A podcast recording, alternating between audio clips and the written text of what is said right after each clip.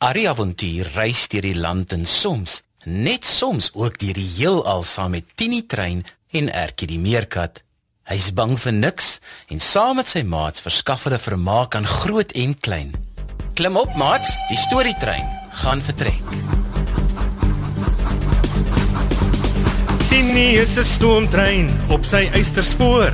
Arrie is sy passasier, hy soek avontuur. Die Bybel is hul kompas, dit hou hul op die spoor. Van alles wat met jou gebeur, kan jy by hulle hoor. Ertjie is 'n maatjie, 'n meerkat van die veld. Karosie is 'n stoute aap, hy doen gewone kwaad. Ertjie en Karosie en Arrie ook daarbey. Is almal net so spesiaal, so spesiaal soos jy. Kom nou maat skuif nader, luister bietjie daar. Is dit dalk die Tini trein wat ek daar gewaar?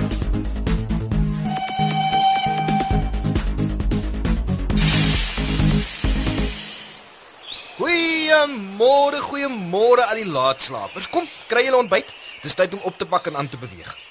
Ek wil julle nog 'n paar van die ander plekke ook gaan wys waar ons werk doen en waar ek en hom koes vir julle van die interessante opgrawings in ou geboue kan gaan wys. Waarheen gaan ons? Waarheen gaan ons? Het iemand iets gesê van ontbyt? Hey, dis duidelik hoe julle prioriteite verskil. Ja, ek het tye vir belangrike dinge en Karosie het net tye vir etenslaap. Ag, is nie man. Jy het gehoor Pippie het gesê ons moet eers ontbyt eet en dan oppak. Ek kan nie help jy's altyd voor op die wa nie. Oh, ek is glad nie op 'n wa nie. Ek staan op die grond hier reg voor jou. Ek het nie gesê jy is op 'n wa nie. Is, is, is. Jy het net gesê ek is voor op die wa. Okay nee, ek kan jou nie hanteer op 'n leë maag nie, regtig. Ertjie, prioriteit het niks te doen met tyd nie. Die laaste stukkie van die woord klink net soos tyd. As een ding belangriker is as iets anders, dan is daardie ding jou prioriteit. Maar Ari, dan het dit te doen met tyd. Want is die ding wat jy eerder jou tyd vir wil gebruik. Ja, net so meerkat net so. sien jy? Voor op die wa. Ek staan op die grond op, maatjie. Lyk my jou oë sien nie lekker nie. Ai, Karolsie, hou nou eers op met terg. Ertjie, dis net 'n sê ding. Dit klink vir my nou 'n simpel sê ding. Hm, wat beteken dit in elk geval? Dit beteken jy dink altyd jy is slimmer en jy het slegte maniere. sien? Ek weet ook dinge. Maar ek het nie slegte maniere nie. Hoe goeie is die aarde? Het ons aan die verkeerde kant van die bed opgestaan vanoggend of wat? Nee, ek weet nie aan watter kant jy opgestaan het, die Ari. Ai, ek het nie eens geweet daar is 'n regte en 'n verkeerde kant nie. sien Karosie, ek weet nie alles nie. En ek weet dit. Jy verstaan my net verkeerd. Hm, en jy verstaan almal verkeerd. Ertjie, dis ook net 'n sê ding wat beteken dat jy nie lekker voel nie en daarom baie bakleierig is met mekaar. Dit gebeur met die beste van ons. Miskien moet hulle maar gou ontbyt eet. Dit kan dalk help. Ons moet dan amper ry as ons nie te laat in Filippie wil aankom nie. Ah, uh, jy's reg oom Koos. Dit help altyd vir my. Toe toe julle twee, gaan eet nou gou. Alles is al opgepak behalwe die ontbytgoed. En miskien moet julle dit in stilte doen voordat julle nog lelike dinge sê en mekaar in die hare vlieg. net so oom Koos, net so. Uh, miskien moet ek hulle sommer van Paulus vertel om hulle daarmee te help. Ons is mos op 'n manier besig om in sy voetspore te volg. Dis 'n goeie idee, Graaf. Ja, 'n storie uit jou Bybelboek. Waar het jy Paulus se voetspore gesien, Ari? Nou, hoe kon dit so lank behoue bly? Is dit spesiale voetspore soos Tini se treinspoor? Wag, wag, net. Oeh, ons het mos gesê julle moet julle ontbyt in stilte eet. Mm. Nee, Ertjie. Ek bedoel dat ons min of meer dieselfde roete volg as wat Paulus op sy sendingreise gevolg het. Oh, Paulus het baie briewe geskryf terwyl hy in die tronk was.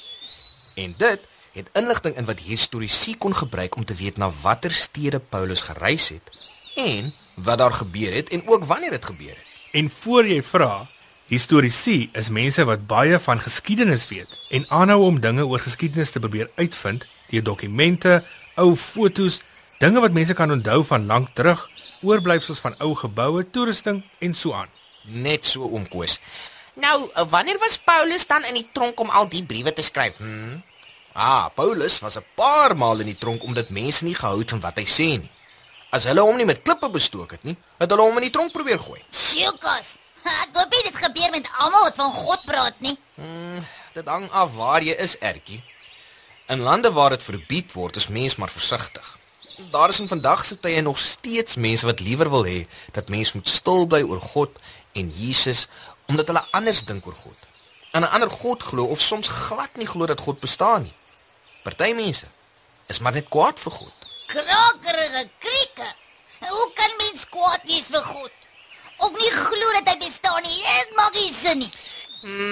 Seker mense wat ook aan die verkeerde kant van die bed opgestaan het. Oh, Net so Karolsie, maar ook nie heeltemal so eenvoudig nie. Mense dink soms dat dinge wat verkeerde dinge in hulle lewe is, God se skuld is. Maar hoekom doen God nie net wonderwerke vir daardie mense nie? Dit is 'n baie goeie vraag, Karolsie.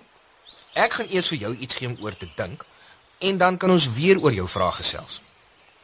Ek wil hê jy moet dink aan die disippels en die apostels en die wonderwerke wat hulle gedoen het met die hulp van die Heilige Gees. Dan gaan ek vertel van 'n wonderwerk wat God vir Paulus gedoen het en daarna kan jy weer jou vraag vra. OK. Ek verstaan nou nie so mooi nie, maar miskien sal ek later.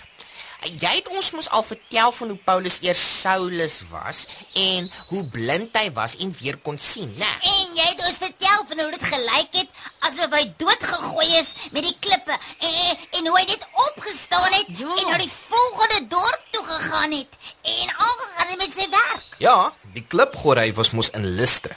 Maar nadat hy daar was, het hy tot in Filippi gereis. Daar het God nog 'n wonderwerk vir Paulus gedoen wat tot vandag toe 'n baie bekende storie is. Almal aan boord. O, gat, julle, dis eers tyd om te ry. Maar wat van die storie? Filippi sal eintlik die ideale plek wees om dit te vertel, want dit is waar dit gebeur het. Oh, okay. Laaste een in Tini se trok is uh, opstaan. Wag vir my! Tini is 'n stoomtrein op sy eysterspoor. Arrie is sy passasier, hy soek avontuur. Die Bybel is hul kompas, dit hou hul op die spoor. Van alles wat met jou gebeur, kan jy by hulle hoor. Erkie is 'n maatjie, 'n meerkat van die veld. Karosie is 'n stoute aap, hy doen gewone kwaad.